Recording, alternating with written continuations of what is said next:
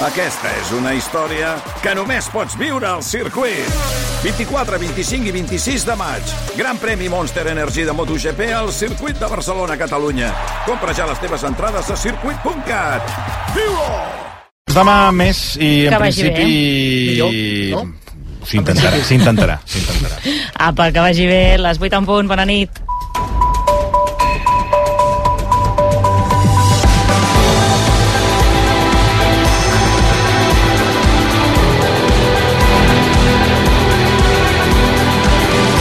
RAC1 no ho sé, amb Anna Ballonesta. Ara dèiem, la situació de sequera fa que l'àrea metropolitana de Barcelona prengui mesures encara més dràstiques. La principal és que d'aquí a menys de 15 dies es reduirà la pressió de l'aigua a 7 municipis i no descarten haver-la de reduir en altres zones si no plou. Martín Gullón, director del cicle de l'aigua de l'AMB, ha explicat a rac com han pres la decisió d'on aplicar-ho. Són municipis d'una situació molt diversa. Si es mira des de fora podem pensar que són municipis que no tenen cap unió entre si, no? d'alguna manera. Evidentment, la, la unió és que la dotació que tenen és superior als 200 litres per habitant i dia, o bé puntualment, o bé l'han tingut en els últims mesos. Una mesura que l'AMB, com dèiem, no descarta haver d'ampliar també a d'altres zones. De seguida repassarem quines són les altres decisions que també s'han pres per eh, castigar aquest malbaratament de l'aigua. A banda d'això, avui també continuem pendents dels pagesos que tallen l'AP7 a l'Alt Empordà i l'AP2 i la 2 a Soses i a Tàrrega. Després de les reunions amb el departament mantenen les protestes de manera indefinida com a mínim, ara ho dèiem, fins que el conseller David Mascora reuneixi amb ells després que ahir no assistís a aquesta trobada. De tot plegat en parlarem avui amb la directora de la Mira, Magda Gregori, el director del País a Catalunya, Miquel Noguer, l'advocat, periodista i professor universitari Josep Manel Silva, i també amb una persona que s'incorpora avui per primera vegada a les tertúlies del nou c Es tracta de l'exdiputada al Parlament, també llicenciada en Matemàtiques, Eulàlia Raguant.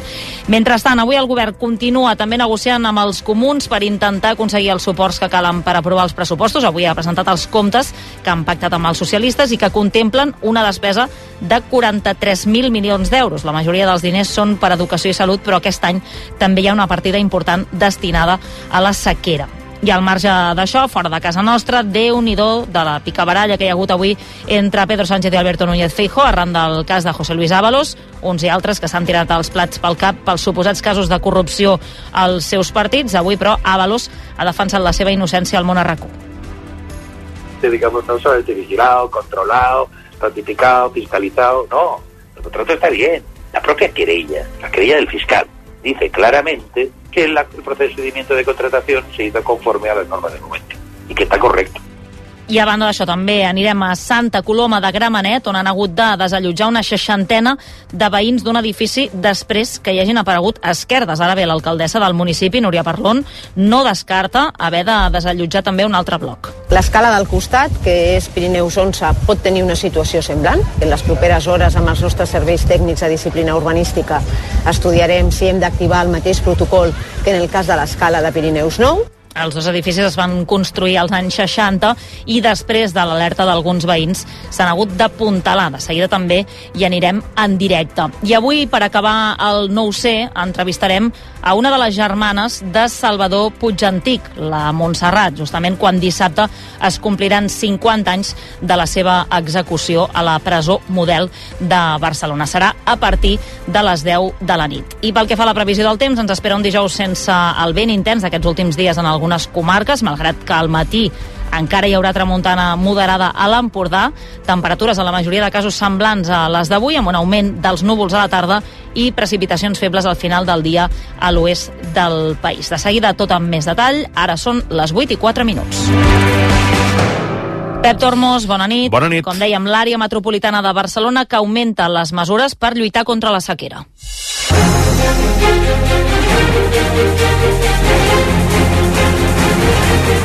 Thank you. Després de molts mesos especulant amb possibles mesures, ara es passa a l'acció. A partir de l'11 de març es reduirà la pressió de l'aigua als municipis i les zones que superen el llindar estipulat que actualment és de 200 litres per persona i per dia. Per tant, d'aquí a dues setmanes, els ciutadans de Vega, Cervelló, Corbera de Llobregat, La Palma de Cervelló, Sant Just d'Esvern, Sant Vicenç dels Horts i Tiana obriran l'aixeta i en sortirà menys aigua. La MB mou fitxa després que aquestes set localitats que estan en fase d'emergència i que consumeixen més litres dels que permet la normativa se sobrepassin aquest llindar. Ara bé, en molts casos els usuaris possiblement no ho notaran. Ho ha explicat a rac Martín Gullón, director del cicle de l'aigua de l'àrea metropolitana de Barcelona en la pressió per sota que estem treballant ara el que provoca és que si el consum és relativament moderat com fins ara doncs no notaran res i continuaran normal. Si el consum puntualment en un moment donat augmenta molt o és superior al que estan fent actualment, pot provocar baixades de, de pressió que, que notin, diguem en el subministrament. La maniobra de baixar la pressió s'ha consensuat amb els ajuntaments afectats i amb les companyies subministradores d'aigua. Doncs bé, avui en temps de tertúlia parlarem amb l'alcalde de Tiana, Isaac Salvatierra, que és un dels municipis, com dèiem ara, afectats per parlar d'aquesta situació. Una mesura, però, que l'AMB no descarta haver d'ampliar també a més zones del país si la situació d'excepcionalitat s'allarga més. Marc Poyato. Sí, de fet, l'AMB havia anunciat fa setmanes que tenia previst reduir la pressió en tres municipis i ara ja en són set. Tot plegat perquè s'ha detectat que sobrepassen els límits, ja sigui puntualment o durant els últims mesos. En parla el director del cicle de l'aigua, Martín Gullón. Si s'analitza una mica, doncs veient o bé que tenen la xarxa que té un rendiment diguem una mica per sota del desitjat o bé que tenen un urbanisme molt poc dens i això provoca que tenen més consum de jardins i coses semblants. Ara bé, la reducció de la pressió no es pot fer a tot arreu, ja que depèn de la situació del territori. I d'altra banda, l'AMB també es planteja començar a sancionar conductes inadequades, com per exemple omplir piscines privades, regar jardins particulars i rentar vehicles mar fora dels espais habilitats.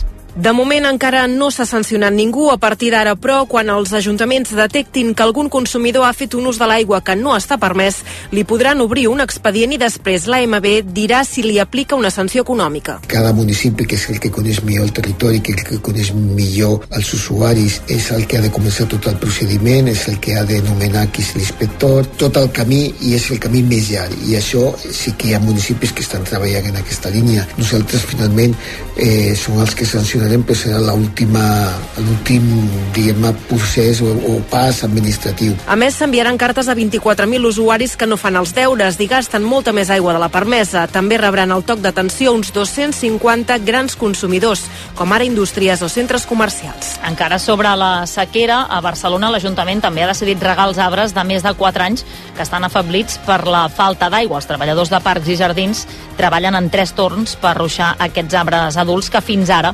no rebien aigua més enllà de, que, de la que queia de, de la pluja. I a tot això també, atenció, aquest moviment que farà gratar-se la butxaca als ciutadans. La Generalitat prepara un augment de la factura de l'aigua a partir de l'any que ve, de mitjana, les famílies pagaran entre 2 i 4 euros més. Es farà a través del cànon de l'aigua, que pujarà un 30%. Ho recull el projecte de llei d'acompanyament dels pressupostos. El govern creu que és la manera de castigar qui més aigua gasta. També defensen que el cànon està congelat des de l'any 2017 i que ara toca actualitzar-lo, sobretot perquè amb la sequera cada cop és més car disposar d'aigua. Doncs bé, sobre aquestes noves mesures per fer front a la sequera i també la falta d'aigua, avui li hem preguntat al periodista Joan Julibert què en pensa. Cada setmana una nova mesura. La sensació és com si ens estiguéssim preparant per anar assumint que potser sí, un dia obrirem l'aixeta i no enrejarà. I potser serà abans del que pensem. D'entrada perquè, segons la mateixa Agència Catalana de l'Aigua, un de cada tres municipis supera el consum d'aigua per habitant fixat pel decret de sequera. Segurament perquè som un país en què costa donar-nos del valor de les coses fins que ja no les tenim a l'abast. Quedeu-vos amb una dada. El sistema de distribució d'aigua a Catalunya perd anualment l'equivalent al 75% de l'aigua de l'embassament de Sau. O dit d'una altra manera, cada dia perdem un de cada 4 litres d'aigua potable. I així ens va. Alguns tampoc no van voler recordar que feia falta una sanitat forta i musculada fins que va arribar una pandèmia. Les 8 i 9 minuts, seguim amb més qüestions. Els pagesos anuncien que els talls a les fronteres amb França i a l'Aragó seran indefinits i que només els aixecaran si el conseller accedeix a parlar amb ells. Volen que David Mascort els vagi a veure després que la reunió d'ahir acabés sense convèncer del tot els pagesos. El departament es compromet doncs, a facilitar el procés per demanar ajudes per la sequera abans d'aquest divendres, però això no ha servit per apagar les protestes del sector primari. Ara mateix mantenen el tall més important a l'AP7, a l'altura de Puntós, a l'Alt Empordà. Allà reclamen la presència del conseller des d'aquest matí. Sandra Florenza, bona nit. Bona nit. Doncs sí, ara mateix aquí a Puntós, més de 100 tractors i uns 200 pagesos continuen tallant, tallant la Nacional 2 i l'AP7, tot i que la tramuntana forta i freda que està bufant. Han decidit en assemblea exigir una reunió demà amb el conseller David Mascor. Ells els hi han proposat fer-la dilluns, però el portaveu d'Unió Pagesos Revolta Pagesa, Joan Ginebreda, diu a rac que no s'enfien ni un pèl i volen acabar amb tot el més aviat possible. Semblava que hi havia un principi d'acord demà de matí fer una reunió i una trobada de, de revolta pagesa amb el senyor Mascort, però a última hora ens l'han ens l'han anul·lat eh, i ens han emplaçat a fer una reunió el dilluns, però des d'aquí al tall no s'enfien de la paraula d'aquest senyor. A l'espera que el conseller va dir boca, els pagesos ja han anunciat que no es mouran d'aquí fins dilluns com a mínim. Avui es queden a dormir a Puntós, pagesos de França, Terres de l'Ebre, del Camp de Tarragona, el Montsant i el Priorat. Ara ja s'estan preparant el sopar. Gràcies, Sandra. Bona nit. Gràcies, bona nit. I d'altra banda, a la P2, al seu pas per Soses, al Segrià, els pagesos també han anunciat que si no els va veure cap representant d'acció climàtica, no es mouran d'on són. Anem també cap allà. Karen Alfonso, bona nit. Bona nit, doncs sí, aquesta tarda han demanat a Unió de Pagesos que allargui els permisos per tallar totes les carreteres que estan tallades a hores d'ara fins a mínim divendres o fins que obtinguin les respostes que volen per part del govern. Volen que el conseller baixi fins a Tàrrega perquè els pagesos puguin parlar amb ell. Precisament en aquest municipi, a la 2, avui també s'hi han aplegat agricultors del Camp de Tarragona. Ens va dir Tarracú Eduard Escola, membre de la Plataforma Pagesa de Tarragona. Avui els del Camp de Tarragona, com que no hi ha cap tall organitzat, eh, doncs han adherit a, principalment al tall de, de Tàrrega per donar suport als companys de Tàrrega. A la P2 a Soses ara mateix hi ha desenes de pagesos que fa unes dues hores han desplaçat els tractors poc més d'un quilòmetre per aconseguir tallar de manera més efectiva la frontera fins a Fraga i tenir millor connexió amb el tall que també s'està fent a l'A2 al Carràs. La consigna d'ara és passar aquí la nit i qui no pugui que torni demà per rellevar aquesta gent que avui es queda. I demà al matí està previst que baixin tractors del tall de Tàrrega i de municipis de la muntanya. Doncs n'estarem també pendents. Gràcies, Karen. Bona nit. Bona nit. 3 minuts per arribar a un quart de nou. Després de segellar el pacte amb el PSC, el govern ja mira de convèncer els comuns per tirar endavant els pressupostos. Ara com ara els números no surten, falten dos diputats per poder aprovar els comptes al Parlament i totes les mirades se centren en els de Jessica Albiach, que mantenen com a principal escull el Hard Rock. De moment, però, sembla que les posicions continuen enrocades. Adrià Santasusagna. Aquesta tarda s'ha fet la primera reunió entre govern i comuns el mateix dia que el govern ha aprovat els pressupostos. Pels comuns, renunciar al Hard Rock i no aprovar el pla director urbanístic és una línia vermella, com explica Jessica Albiach a TV3, però el president Pere Aragonès insisteix que els comptes no hi tenen res a veure. Que ha de posar límits al PSC i que li ha d'aturar els peus al senyor Illa i que aquest projecte és un autèntic disbarat, però torna a insistir, nosaltres no ens baixarem d'aquesta condició. El pressupost de 2024 no posa ni un euro ni una mesura ni incorpora cap acord relatiu al projecte de Hard Rock. El que sí que incorpora, el que sí que incorpora acords, mesures i recursos és per la sanitat pública del país. Fons dels comuns expliquen a rac que això anirà per llarg i que no preveuen un acord imminent. I això després que avui el govern hagi aprovat els pressupostos que preveuen una despesa de 43.000 milions d'euros, és un 6,3% més que els de l'any passat i això sense comptar els interessos que ha de pagar la Generalitat, que també són cada cop més alts. Com cada any, les partides principals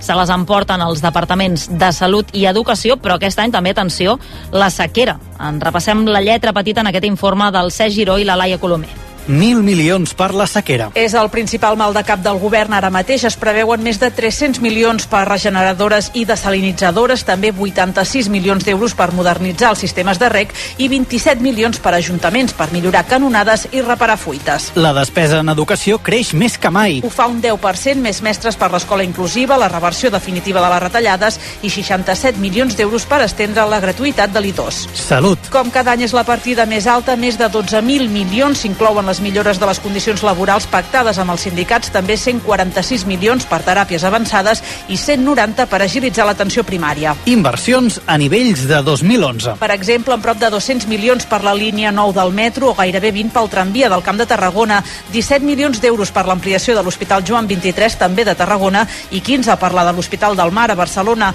també 45 milions per obres de les carreteres. Rebaixa d'impostos. Per les persones amb més necessitats hi ha l'anunciada rebaixa de l'IRPF per les rendes de menys de 35.000 euros i un increment de les deduccions pel lloguer a joves, famílies nombroses o monoparentals, persones amb discapacitat o les que estan a l'atur. Doncs bé, això és, com dèiem, la lletra petita. N'espera, però, que el govern aconsegueixi, ara, com dèiem, aquests vots que li falten.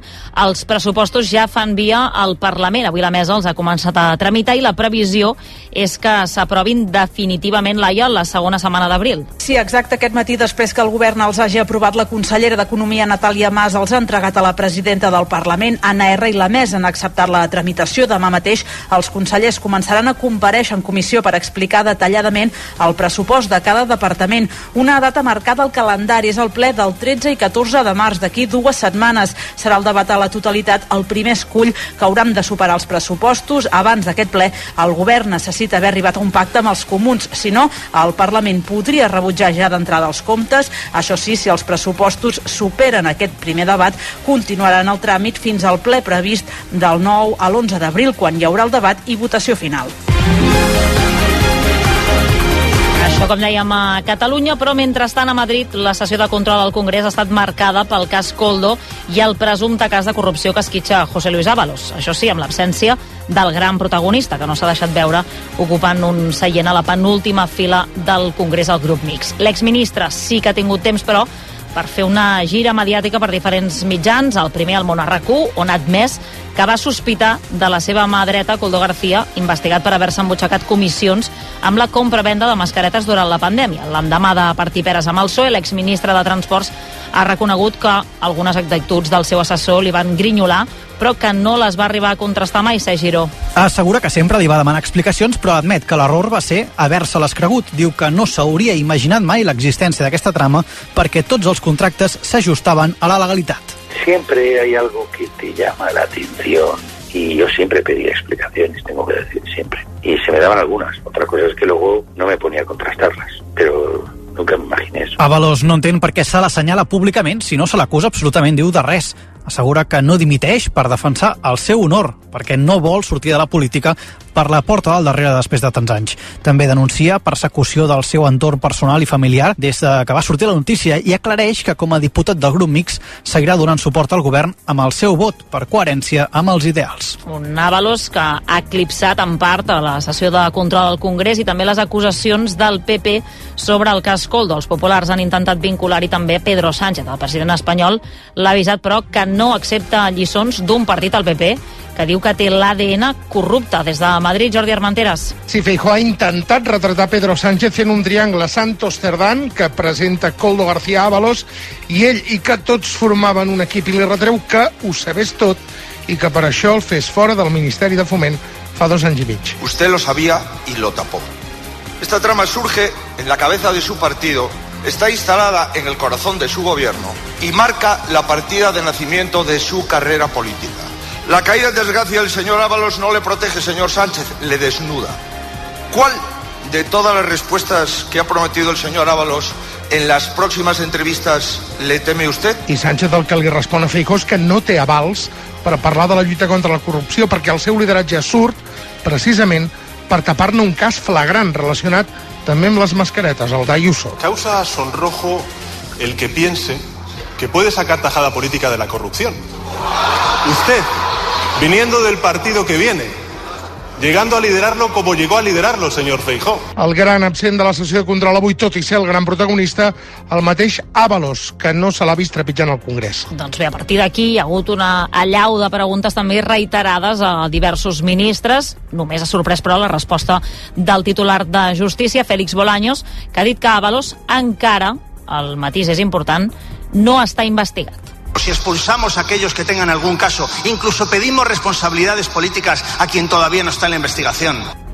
I més enllà del Congrés, avui el cas Coldo, que ha arribat també a l'Audiència Nacional, que ha deixat en llibertat a qui els investigadors consideren el cervell de tota aquesta operació. És l'empresari Juan Carlos Cueto, el jutge que porta el cas, l'ha interrogat per mirar d'aclarir quin paper va jugar en aquesta presumpta trama de corrupció. També des de Madrid, Arnau Manyer. Sí, són els primers passos judicials del cas que de moment només ha cobrat factures polítiques. Juan Carlos Cueto s'ha presentat a l'Audiència Nacional aquest matí, però només ha respost les preguntes del seu advocat, ni a la Fiscalia ni a les acusacions populars del PP i Vox. L'empresari ha defensat que no es van cobrar comissions, que el preu que es va pactar en aquell moment per les mascaretes era el que fixava el mercat durant l'emergència pandèmica i que, a més, tot el que van fer era per defensar literalment els espanyols. Insisteix que té les mans netes i que, per tant, no es va aprofitar de la falta de material sanitari que hi havia durant la primavera del 2020. Queda en llibertat, però tal com ha demanat la Fiscalia, se li prohibeix sortir de l'Estat sense autorització,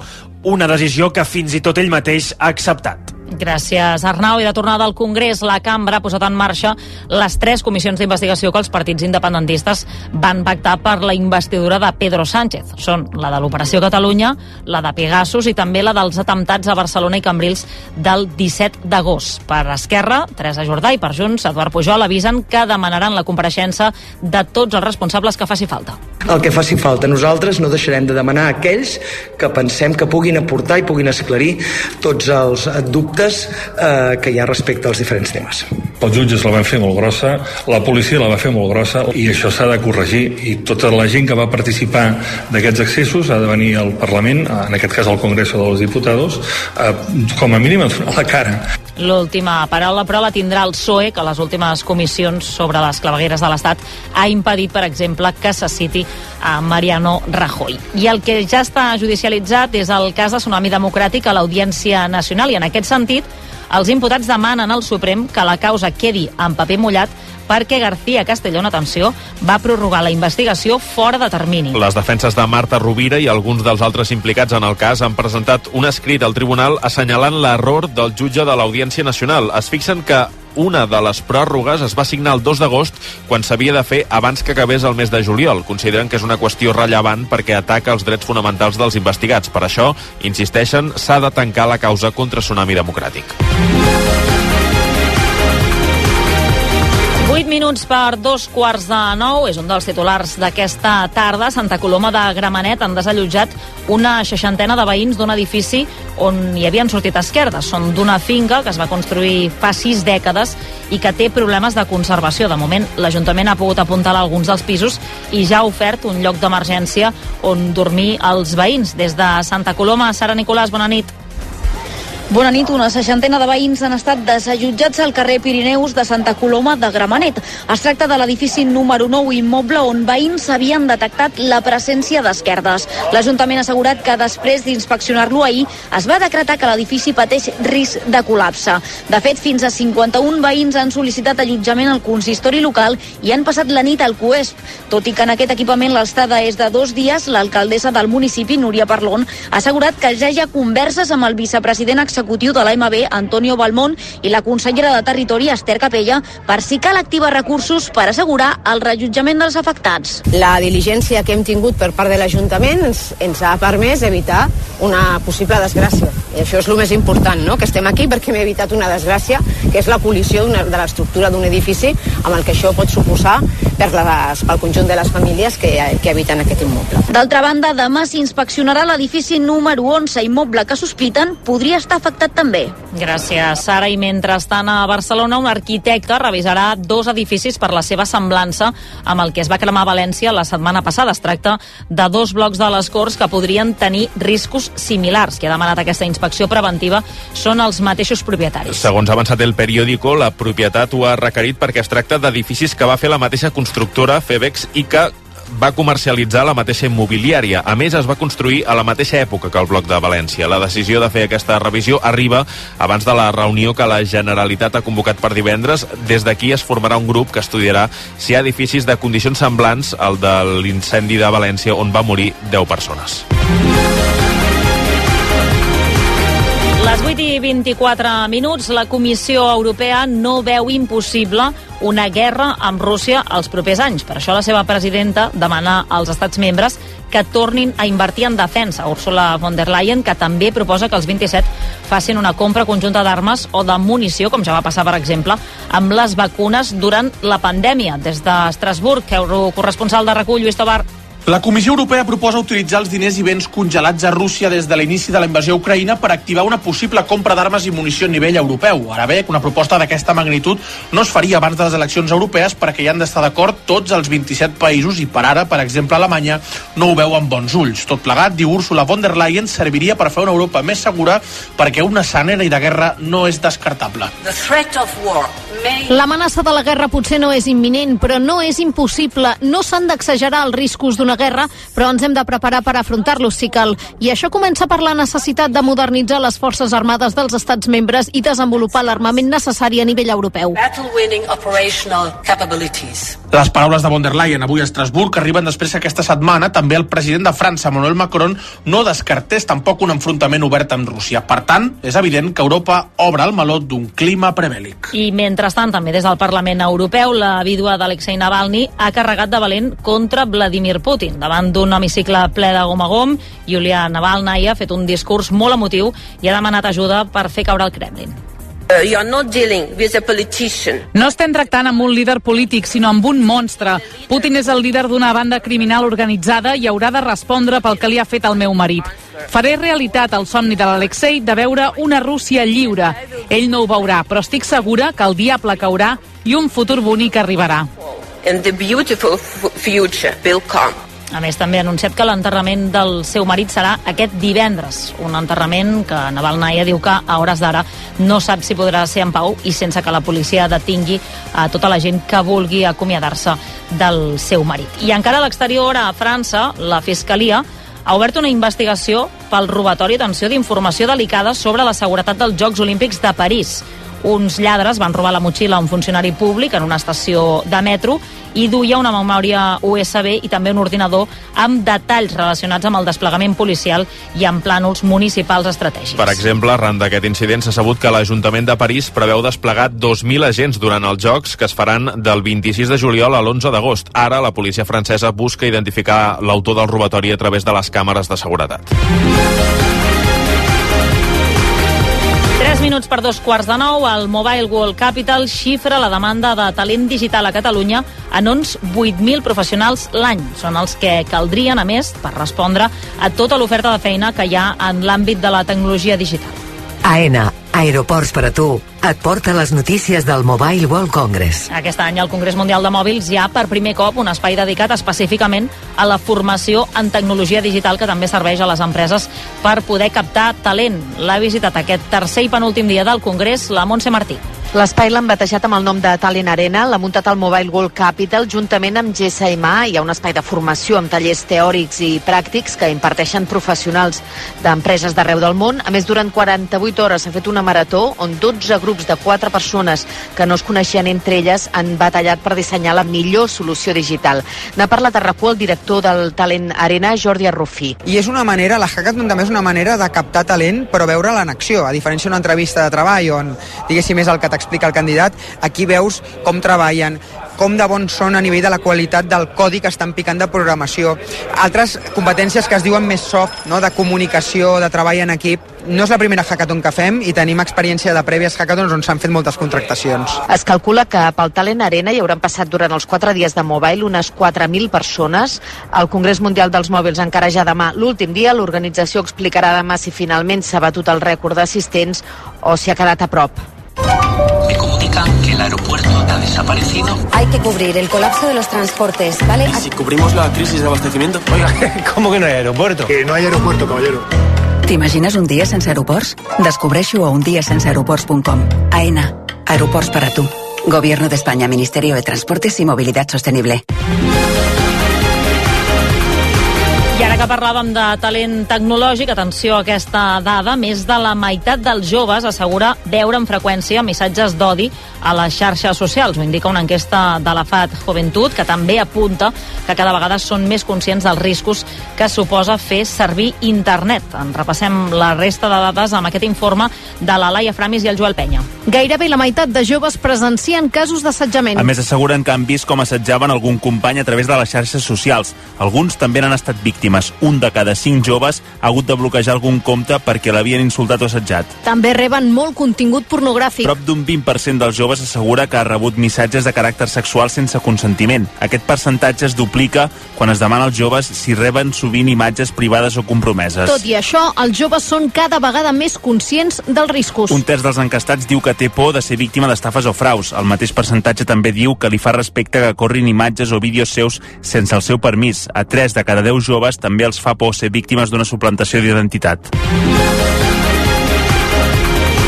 Pràcticament dos quarts de nou en l'àmbit de la salut, productes químics com pesticides o fins i tot alguns cosmètics augmenten el risc de càncer d'endometri. Segons un estudi d'Idivell, són productes que majoritàriament estan retirats del mercat però que mantenen restes en el medi ambient. Joel. Aquests compostos químics que queden desestabilitzen el sistema hormonal. Això fa créixer el risc de tenir càncer d'endometri perquè els estrògens intervenen en el desenvolupament del tumor. La investigadora de l'Idivell i l'ICO, Laura Costas, ha explicat a rac que ara volen veure com afecta a les dones que ja tenen la malaltia. Com que tenim aquestes dades amb, amb les pacients que ja estan diagnosticades, volem veure l'evolució d'aquestes dones, si el fet de tenir més exposició a, a aquestes substàncies o aquestes barreges de, de substàncies poden anar pitjor o tenir un pitjor pronòstic. El càncer d'endomètri que es desenvolupa a la cara interna de l'úter és cada vegada més freqüent. Cada any a l'estat espanyol es detecten 5.000 casos nous. En successos, el raper Morat ha acceptat una pena de dos anys de presó pels enfrontaments amb la policia durant la gravació d'un videoclip. Va passar a l'Hospitalet de Llobregat l'agost del 2021. Avui s'havia de fer el judici a l'Audiència de Barcelona, però finalment hi ha hagut un pacte amb la Fiscalia. Morat va animar unes 150 persones a agredir els agents que es van presentar a la zona de gravació alertats pels veïns, que es queixaven dels aldarulls i del fet que feien servir un dron tot i no tenir permís. El raper ha acceptat 6 mesos de presó per un delicte d'incitació a desordres públics i un any i 6 mesos per atemptat amb ús d'instrument perillós. A ver, usted ha escuchado ya lo que ha dicho el Ministerio Fiscal y lo que ha comentado su letrado. ¿Usted reconoce los hechos y se conforma con las penas una vez modificadas que le han sido solicitadas? Sí. Puede volver a su sitio. La defensa del cantant ha demanat la suspensió de la pena i la Fiscalia l'ha acceptat amb la condició que no delinqueixi durant dos anys i que pagui una multa de 900 euros. I encara en crònica judicial, segur que també recordeu el cas de l'influencer de Gref, que va demanar el desnonament d'una dona gran a Andorra. Doncs bé, Ara la justícia andorrana n'ha tombat aquesta demanda. Aquest creador de contingut va comprar un bloc de pisos l'estiu passat al municipi d'Escaldes i va deixar de renovar els lloguers als pocs veïns que hi quedaven. Ara ja només hi viu aquesta dona que té 80 anys. L'estreamer havia demanat que se la fes fora. Una sentència inicial va donar la raó de Gref, però ara el TCJ andorrà ha decidit el contrari. La sentència diu que l'estreamer no justifica prou bé els motius legals pels quals s'hauria d'expulsar la dona i afegeix que amb el desig de fer-ho no n'hi ha prou. A Twitter, de Gref ha criticat criticat l'actitud de la dona i també els que l'ataquen per voler-la desnonar. Igual que altres creadors de contingut, aquest streamer es va traslladar a Andorra ara fa uns mesos per pagar menys impostos. Les 8 i 32 minuts, la Generalitat ha homenatjat a Salvador Puig Antic a les portes dels 50 anys del seu assassinat a mans del règim franquista. El govern ha recordat la seva figura amb un acte que s'ha fet al recinte modernista de Sant Pau de Barcelona. Hi ha anat el Bernat González. El 2 de març de 1974, un jove Salvador Puig Antic, amb només 25 anys, va ser assassinat pel mètode del Garrot Vil a la presó model de Barcelona. Avui s'ha commemorat el 50è aniversari d'aquest fet amb un homenatge presidit pel president Pere Aragonès que ha reivindicat la importància de la memòria històrica i ha assegurat que la figura de Puig Antic és avui més present que mai. Recordem i posem en valor la seva lluita i ho fem davant d'un moment d'un avenç de l'extrema dreta, del populisme, de la xenofòbia i també davant d'aquells que banalitzen el feixisme i el franquisme d'aquells que no els hi fa cap mena de vergonya fer broma autofirmant-se com a fatxes, d'aquells que confonen deliberadament també el dret a la protesta amb terrorisme. L'acte també ha servit per conèixer la part més personal de Puigantic amb emotives intervencions de Felip Soler, excompany de militància política, i d'Imma Puigantic, germana del jove anarquista. Doncs bé, com dèiem a l'inici, aquesta nit al 9C podreu sentir l'entrevista a una altra de les germanes, a Montserrat Puigantic, una conversa des de la presó model de Barcelona i que podreu sentir, com dèiem, a partir de les 10 de la nit. 8 i 34 minuts, el Tibidabo estrenarà al maig una nova atracció de caiguda lliure que tindrà forma de vareta màgica. Farà 53 metres d'altura, estarà il·luminada i es podrà veure des de diferents punts de Barcelona. Jordi Claret. Tot i que encara no està batejada, aquesta serà la gran novetat del parc de cara a una nova temporada que arrenca aquest dissabte. L'experiència serà similar a la de la caiguda lliure de PortAventura, tot i que l'huracan Còndor li dobla l'altura. Això sí, oferirà una vista de Barcelona de 360 graus i a 550 metres per sobre del nivell del mar. La directora del Tibidabo, Rosa Ortiz, ha avançat que l'atracció tindrà un aspecte màgic amb un estel il·luminat al capdamunt. Està pensada com una vareta màgica. El seu disseny eh, té una il·luminació perquè tingui aquesta sensació de que s'il·lumina i que la llum d'aquesta final d'aquesta vareta màgica ens il·lumina i fa d'alguna forma la màgia del Tibidabo. No? L'obra té un pressupost de 2,4 milions d'euros i l'objectiu del Tibidabo per aquesta nova temporada serà superar la xifra dels 700.000 visitants. I encara a Barcelona, un bus nàutic unirà a partir de l'estiu la Rambla amb la nova Bocana. Aquest servei costarà menys de 2 euros i segons el port serà totalment ecològic. Funcionarà 12 hores al dia amb com a mínim un parell d'embarcacions. Cada una podrà transportar fins a 70 passatgers. La concessió d'aquest bus nàutic s'ha adjudicat per un període de 15 anys al grup Alsa. A partir de l'1 de juliol, aquests vaixells uniran els molls de Drassanes i de Llevant, és a dir, la Rambla, amb un punt proper a l'Hotel Vela. El port de Barcelona creu que la nova connexió pot ajudar a treure vianants del barri de la Barceloneta, que durant l'estiu està molt massificat.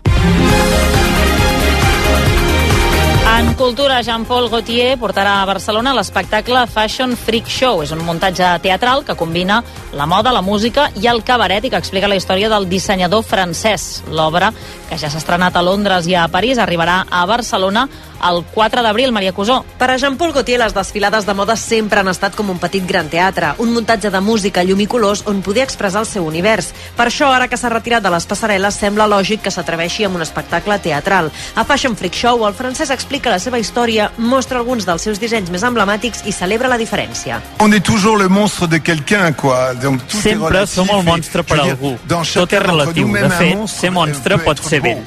Hem estat educats en uns cànons de bellesa que ens diuen què està bé i què no, què és bonic i què no. No podem mirar el món només amb els codis. Quan els deixem és quan som creatius i la diferència és bonica. L'espectacle es podrà veure del 4 al 21 d'abril al Teatre Coliseum i les entrades ja estan a la venda. I encara en teatre, dijous que ve s'estrena a la Biblioteca de Catalunya el muntatge Artemi, el cambrer abstemi. Es tracta de la nova producció de la Perla 29 amb el col·lectiu pedant a missa i replicant, que critica precisament la precarietat del gremi de l'hostaleria. El muntatge el dirigeix la Ludwig Band. A través de la música i l'humor pretén denunciar les dures condicions de feina dels cambrers. En parla Quim Carandell, un dels directors del muntatge. Nosaltres som molt fans de l'humor i dels gags i a través dels gags intentem explicar una mica el drama aquest del cambrer que mentre tothom s'està passant bé al bar, ell està darrere de la barra, és a dir, això de que en el moment d'oci de tothom, ell és justament el moment en què treballa. I aquesta tragèdia ens interessava. L'obra es podrà veure del 7 al 24 de març. I encara en cultura, els cinemes catalans tanquen un 2023 esperançador. La xifra d'espectadors es va enfilar l'any passat fins als 13,7 milions. Això és un 20% més que l'any anterior. Es van recaptar 95,4 milions d'euros, que és un 26% més que el 2022. EAE Business School us ofereix aquest espai. Ara bé, tot i aquestes bones dades, encara s'està lluny dels nivells prepandèmics. Els cinemes catalans encadenen 3 anys de remuntada, ho diuen les dades de la Federació de Cinemes d'Espanya i el Gremi Exhibidors de Catalunya. No tot, però, són bones notícies. El 2023 es van tancar gairebé una trentena de sales del país. Ara n'hi ha 600. Malgrat tot, el president del Gremi de Cinemes de Catalunya, Jordi Agustí, es mostra satisfet i certifica que plataformes i sales poden conviure sense problemes. Cada vegada es discuteix menys que la, l'experiència amb el cinema és una experiència que no té res a veure amb, el, amb, la, amb la veure la pel·lícula a casa i nosaltres creiem que eh, podem conviure, podem conviure les plataformes amb els cinemes i jo crec que hi ha espai per tothom. Catalunya és el segon territori de l'Estat amb més espectadors, només superada per Madrid, que en té 15,2 milions. Doncs bé, entre les pel·lícules més vistes de l'any passat hi va haver, per exemple, els fenòmens de Barbie. Ei, Barbie, anar a casa teva aquesta nit? Clar. I també d'Oppenheimer. We imagine a future A banda, Super Mario Bros. la pel·lícula i Avatar, el sentit de l'aigua, són els altres dos grans èxits de taquilla del 2023 i superen els 20 milions d'euros de recaptació. Per cert, que encara sobre cinema, la Universitat de Barcelona investirà doctor honoris causa el director Juan Antonio Bayona, l'actriu Núria Espert, l'escultor Jaume Plensa i l'artista Lita Cavallut. Tots quatre rebran el reconeixement per la seva aportació clau a les arts a Catalunya. Si et vols canviar un aprenentatge immersiu, millorar la teva competitivitat de cara al mercat laboral o canviar una experiència acadèmica que prioritzi la part pràctica, Work to Change. Entra a eaebarcelona.com i comença el canvi amb els nostres màsters i MBAs. EAE Business School. We make it happen.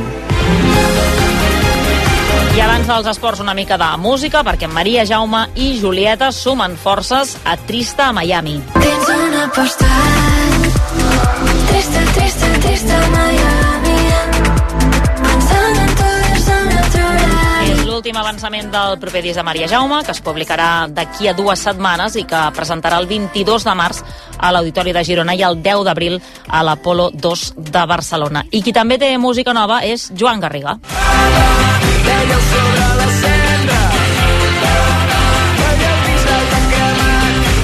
anys després de publicar El ball i el plany, l'ex-líder de Minguet i de la Trova Kung Fu publica Et cantaré el rock and roll és mort perquè marxen lluny. És un EP de quatre cançons que Garriga presentarà en una gira per teatres i festivals que començarà el 9 de març al Cruïlla Baix Segre.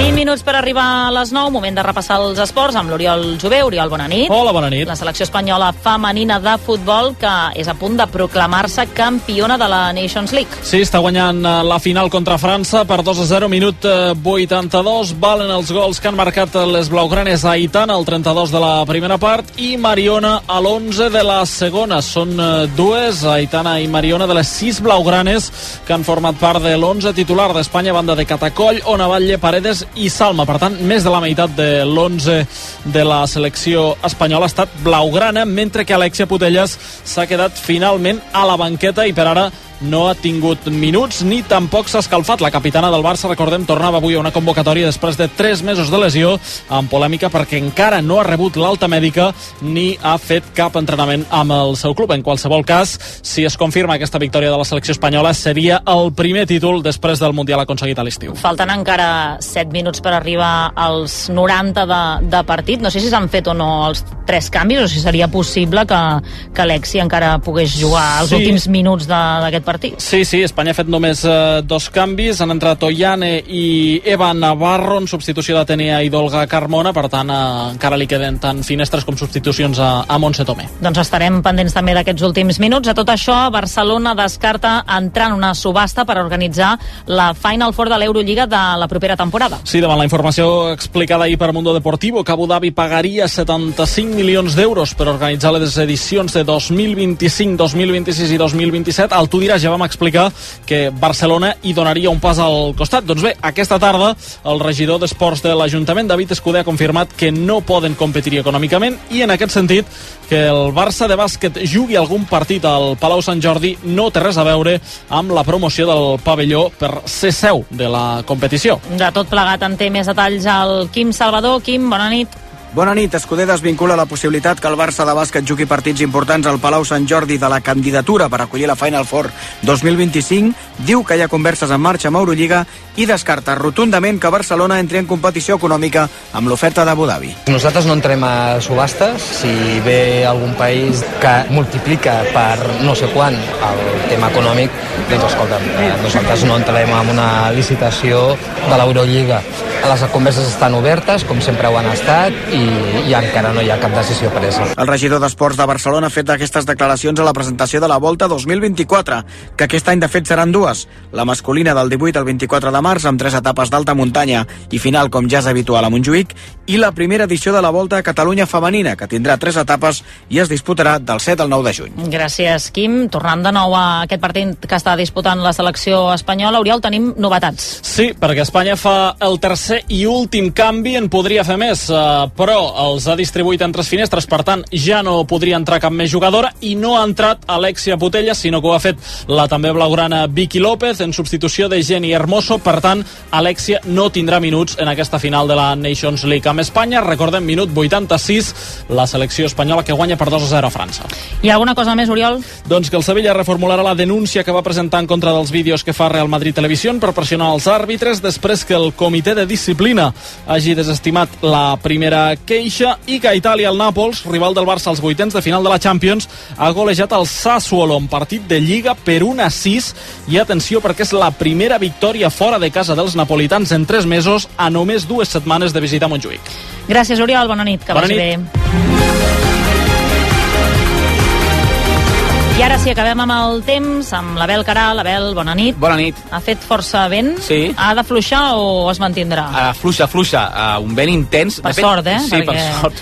Home, pensa que, mira, a Portbou, a l'Alt Empordà, s'ha arribat als 171 km per hora. No, no baix al poble, sinó a la zona de muntanya, però el pantà de Darnius, Darnius Boadella, també a l'Alt Empordà, 110, al Santuari de Caral, al damunt de la ciutat de Berga, eh, també zona de muntanya, a 108 km per hora, però al Mestral també, Mas de Barberans, al Montsià, fins a 103 km per hora, un vent, el, el de Mestral, que sí que ha anat a la baixa al llarg de la tarda, eh, tot i que en alguns casos s'està tornant a reforçar una mica, i una tramuntana que es manté intensa, sobretot cap a l'Alt Empordà, nord del Baix Empordà, anirà perdent pistonada al llarg de la nit, demà encara bufarà el mestral ja més moderat, amb algun cop fort cap al nord de l'Empordà, sobretot durant la primera meitat del dia. Ja no hi haurà mestral al sud del país, una mica residual també al matí cap a les terres eh, de l'Ebre.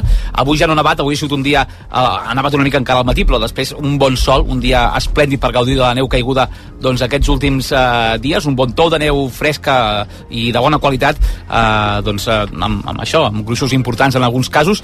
De cara a demà, eh, d'entrada, a part del vent, comentar que les temperatures seran semblants a les d'avui, o una mica més altres en zones de muntanya, sí que al Pirineu, per exemple, l'ambient serà una mica menys fred que avui. Avui s'ha arribat a 20-21 graus en alguns sectors, per exemple, del sud del país. Al mig ha Que tornem a temperatures- tenir temperatures Sí. molt suaus, eh, Abel? Sí, sí, sí, sí. Eh, de fet, això que dèiem, eh? en molts casos avui, doncs, màximes que s'han acostat als 20 graus, 18, 20 graus, en alguns casos s'han quedat més frenades, però sí, mira, als hostalets de Piarola, a la Noia, 20,7 de màxima, a Tarragona ciutat també 20,7, al Carràs, al Segrià s'han fregat eh, els 20. Demà al migdia, si fa no fa com avui, com dèiem, més altes al Pirineu, cap a la Cerdanya, per exemple, avui a la vall, a baix de la plana, s'han quedat amb tot dels 8-9 graus, ambient, doncs, eh, fred en comparació amb d'altres llocs. I pel que fa a precipitacions, doncs se n'esperen al final del dia. Demà, en aquest dia extra que tenim eh, de febrer i d'aquest 2024, doncs al matí farà sol, augmentaran els núvols de la tarda i cap a aquesta hora, potser una mica més tard, jo que cap a aquesta hora començaran a arribar precipitacions per Ponent, a comarques de Lleida, Tarragona, en general febles, difícilment avançaran més enllà i la cota neu de 1.200, 1.300 metres en un primer moment, cap a aquesta hora, al final del dia s'acostarà als 800, 900, 1.000 metres, per tant pot tornar a nevar en algunes zones del Pirineu Occidental o cap a les zones més altes del massís dels Ports, a l'extrem sud de Catalunya, per tant, aquests alts i baixos de temperatura, i mira, un poc o molt anem regant algunes comarques i anem també acumulant neu al Pirineu, que són reserves també. Poc o molt no, més aviat poc. Més aviat poc, però... No, però això que dèiem, eh, en alguns casos al Pirineu, sobretot passant nord, que ho dèiem fa uns dies, eh, aigua que s'ha tirat en molts casos doncs, cap als francesos, cap a, cap a Bordeus, per la Garona, però també mm. al Pallars Sobirà, als Ribagorça, Principat d'Andorra, eh, no tant cap al Pirineu més oriental, doncs ha nevat, en alguns casos gruixos significatius, que escolta'm, són un reservori d'aigua que tenim allà per quan pugi les temperatures es desfaci i se'n vagi cap a, aquesta aigua se'n vagi cap als rius. Mira, Abel, si de cas queda't un moment a Sí, l'inici de la tertúlia, perquè començarem parlant de la sequera i també I de mesures poble. que afecten el teu Sí, poble. ho fem malament. que, Mira, queda't un moment, va. Ara passen dos minuts de tres quarts de nou. A RAC1, no ho sé, amb Anna Ballonesta.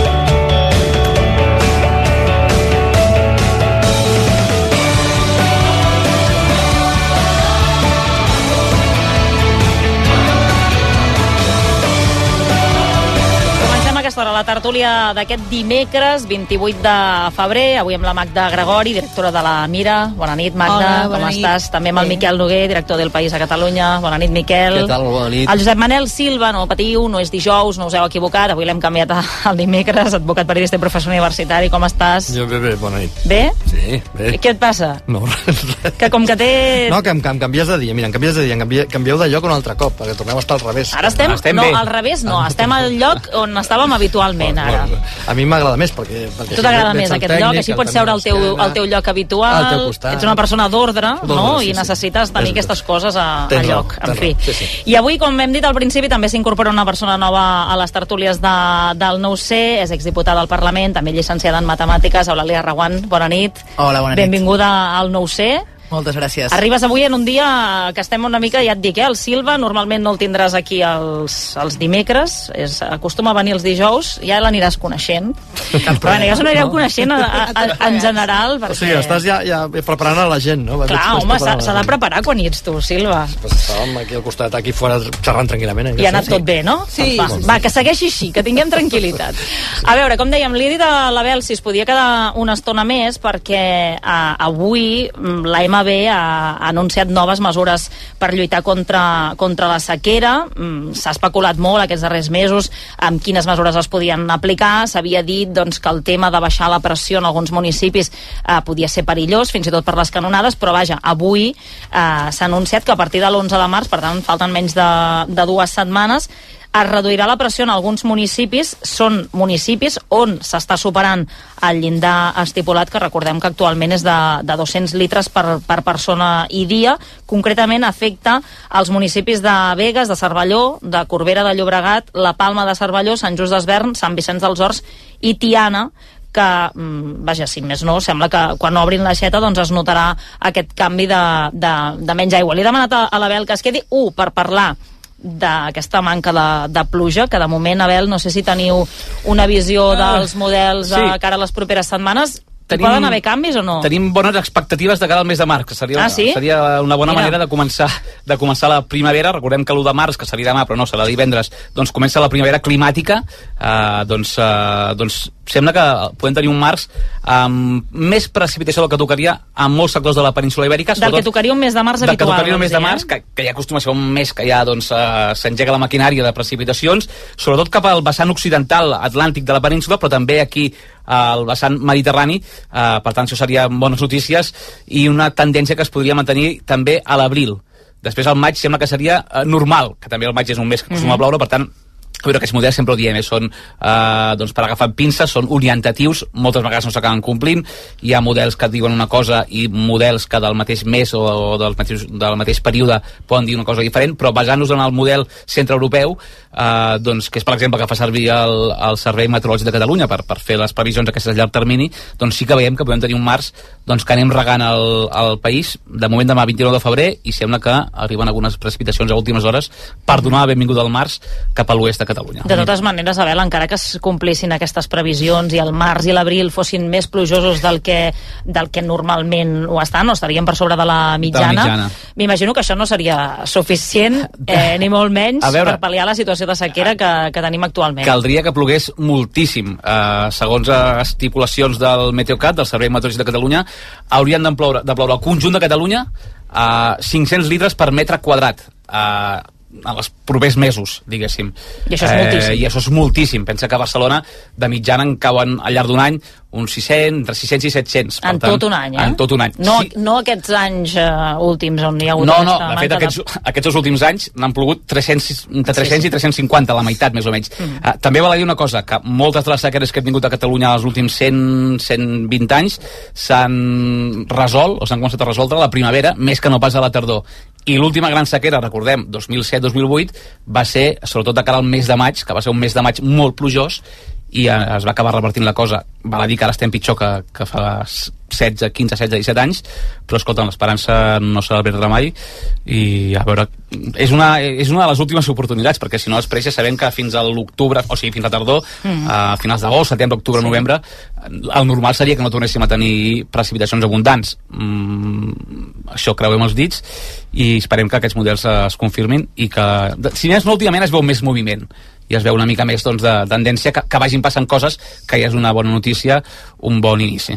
Clar, el que passa és que és el que hem comentat molt aquests darrers mesos, no? que confiar-ho tot a veure si plou o a veure si la primavera ens salva aquesta situació de, de sequera, doncs és molt arriscat, no? Sí, perquè també, és a dir, realment, eh, ara ho notaran, no? És a dir, la ciutadania ho començarà a notar, sobretot en, en aquestes poblacions, mm. però és veritat que la ciutadania podríem dir que d'alguna manera ha fet els deures, no? Perquè si analitzes les dades, per exemple, la ciutat de Barcelona, del que ha passat els últims, des dels anys 90 fins ara, el consum s'ha anat disminuint, per tant, que probablement hem anat augmentant tots plegats la consciència sobre quin ha de ser l'ús eh, de l'aigua, però en canvi probablement altres polítiques que s'havien de fer de forma paral·lela no s'han fet, perquè si ara estem parlant de, de salinitzadores, de regeneradores, perquè fins ara no les hem tingut, i per tant no hem sapigut preveure políticament també una situació com aquesta, no? Silva.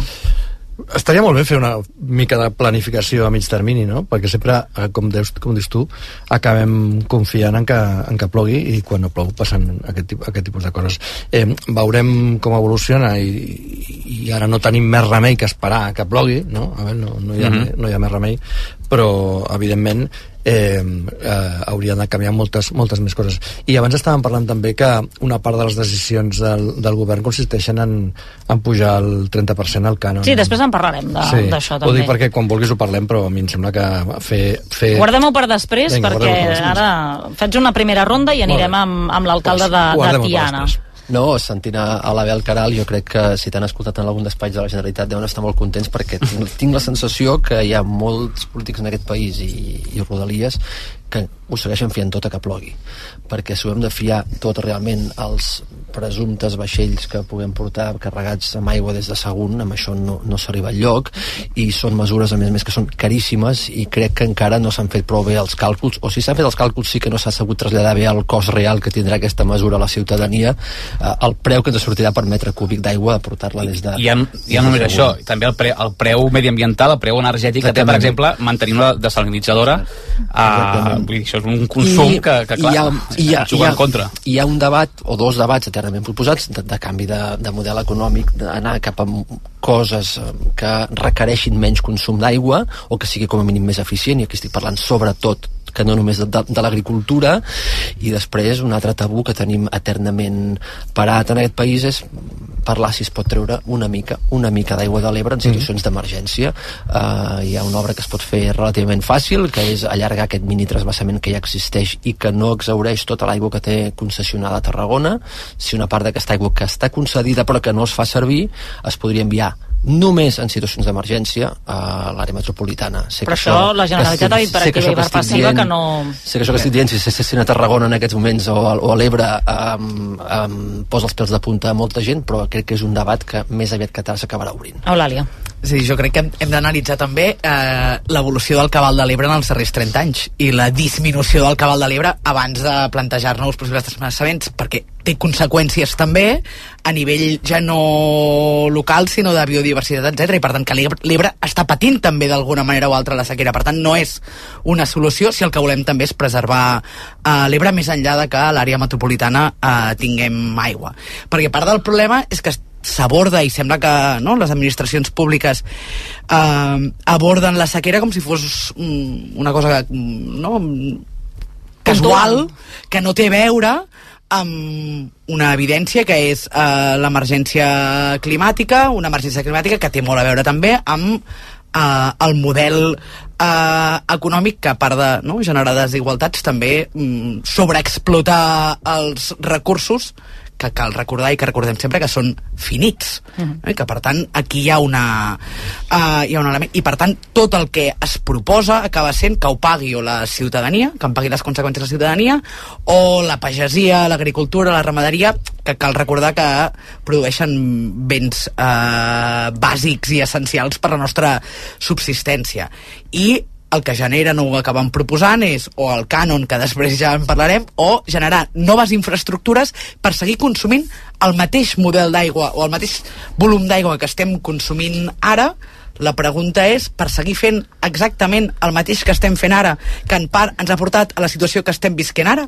Vull cal una reflexió profunda i aprofitar la situació, sí, donar resposta a l'emergència que hi ha ara, perquè és una evidència que hi ha una emergència, però generar propostes i canvis que siguin molt més estructurals. I després, només per afegir una cosa, és, dir, és evident que una de les, de les solucions que es planteja són noves infraestructures, però justament en aquelles eh, en aquells pobles que estan superant aquests 200 litres per, eh, per persona i dia, molts d'ells el problema venen de les fuites, és a dir, que, es fan, que fan perdre grans quantitats de l'aigua i que expliquen tant els ajuntaments com la mateixa ciutadania o els municipis que és perquè no s'ha fet el manteniment necessari. Per tant, si les infraestructures que tenim eh, ja no som capaços no, de mantenir-les al dia per poder evitar aquestes fuites, no, mm, doncs val més que primer solucionem un problema que tenim abans de fer una construcció nova que no sabem les implicacions que tindrà. Doncs no? mira, precisament li preguntarem ara això a l'alcalde de Tiana, l'Isaac Salvatierra. Senyor Salvatierra, bona nit.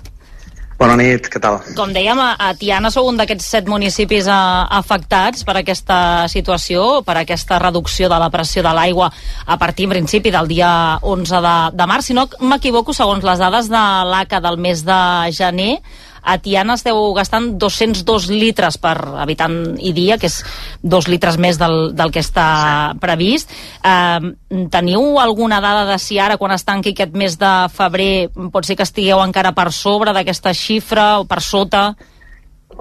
Bé, estem efectivament al llindar per aquest 1-2 litres.